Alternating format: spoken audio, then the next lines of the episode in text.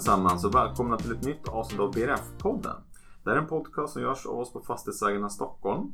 Och tanken är att ska fungera som en hjälp för er som sitter i styrelsen i bostadsrättsföreningar. Jag tror också att du som bor i en bostadsrättsförening kan nytta av att lyssna på den här podcasten för att lära dig mer om vilka frågor som föreningen får arbeta med dagligen. Idag så ska vi prata om ordföranderollen och den ordförandens funktion i en bostadsrättsförening. Med mig för att göra det har jag Ove Schramm, fastighetsjurist på Fastighetsägarnas Service. Välkommen hit Ove. Tack så mycket. Vi hoppar alltid in i ämnet direkt utan några andra krusiduller på säga mm. på podden. Jag tycker vi gör så idag också. Så vad säger lagen om ordförande? Ja, alltså ordförande det är det enda man måste ha i en bostadsrättsförening. Alla andra poster så, det är frivilligt och det får man välja själv vad man gör. Men en ordförande måste alla ekonomiska föreningar ha. Och det hör ihop med att det finns just som du säger formella regler vad ordföranden ska göra. Och det är ordföranden som kallar till mötena. Normalt sett har man ju bestämt i förväg att man har kanske en bestämd tid varje månad. Men det kan ju hända saker. Man kanske måste lägga in ett extra möte eller så. Så att det är ordföranden som ska se till att det kallas till mötena. Det är också ordföranden som har eh, ansvar för att det finns ett underlag för beslut. De som kommer dit ska kunna veta vad det är de fattar beslut om. Eh, så ansvaret ligger på ordföranden att ha det underlaget. Och då blir det också ordförande som måste kalla in suppleanter om det behövs. Vanligen så brukar man låta suppleanterna vara med på alla möten. Det är mycket smartare för då vet de ju vad man pratar om. Men det är ordföranden som måste bestämma vem av dem som kliver in om någon av de ordinarie är borta. Så det kan man väl säga det är ordförandens formella roll.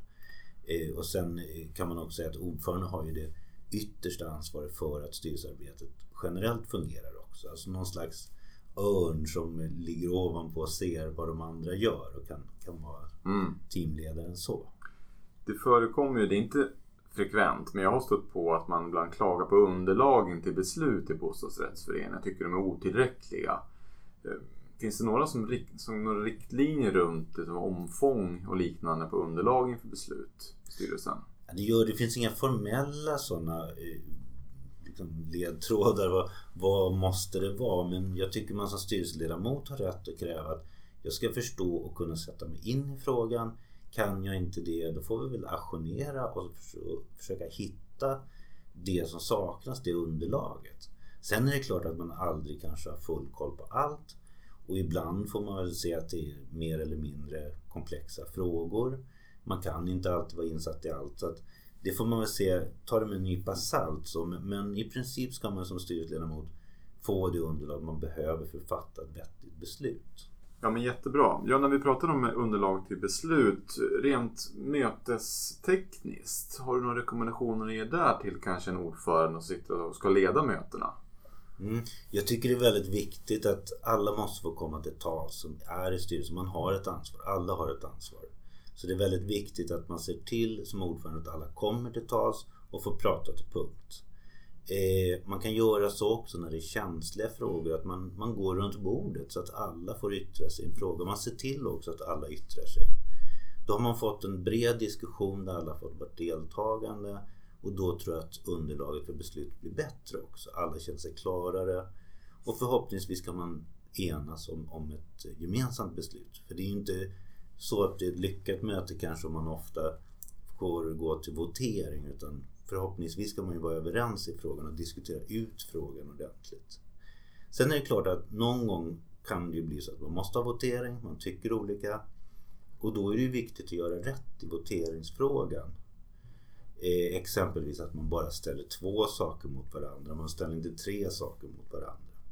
Så man får fundera lite på hur ska jag lägga upp den rent formella voteringen så det blir ja mot nej, grön mot röd eller vad det nu kan vara för att komma fram till ett vettigt beslut. Gäller det personfrågor, ja då ställer man alla personer som är, som är aktuella mot varandra. Det är sällan man har personvalsfrågor i styrelsen. Det kan ju hända men förhoppningsvis inte så ofta. Nej, Nej men jättebra. Ehm, I övrigt då, vilka uppgifter tycker du kan vara rimligt att ordförande har hand om eller bör tänka på i alla fall i sitt, sitt, sin roll? Att vara den ledande tycker jag är det viktiga.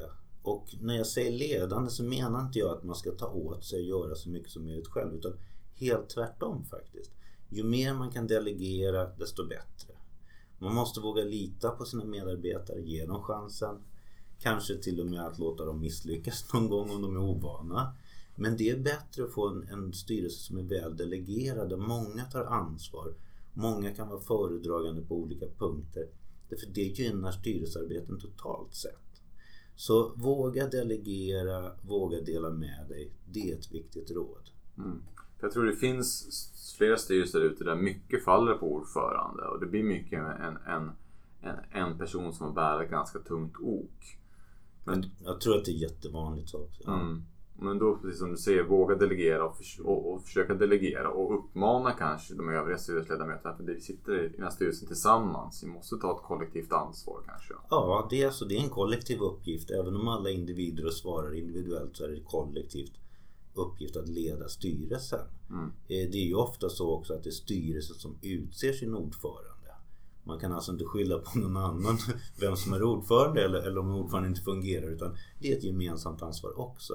Det händer att det är stämmorna som utser ordförande i styrelsen men det vanliga är faktiskt att det är styrelsen själv som utser sin ordförande.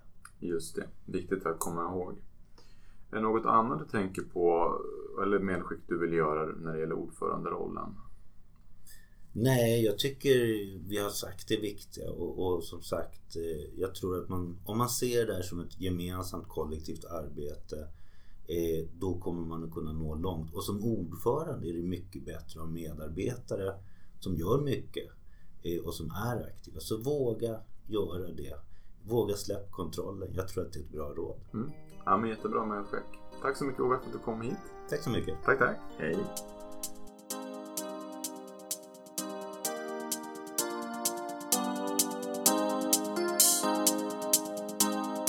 Du har precis hört en avsnitt av BRF-podden. Jag hoppas att du tyckte det var intressant och lärorikt, precis som våra tidigare avsnitt. Du hittar fler avsnitt av den här podcasten på soundcloud.com, iTunes podcaster och även på vår hemsida fastighetsagarna.se Stockholm. Men det vill jag tacka för oss och hoppas att du vill lyssna på oss igen framöver.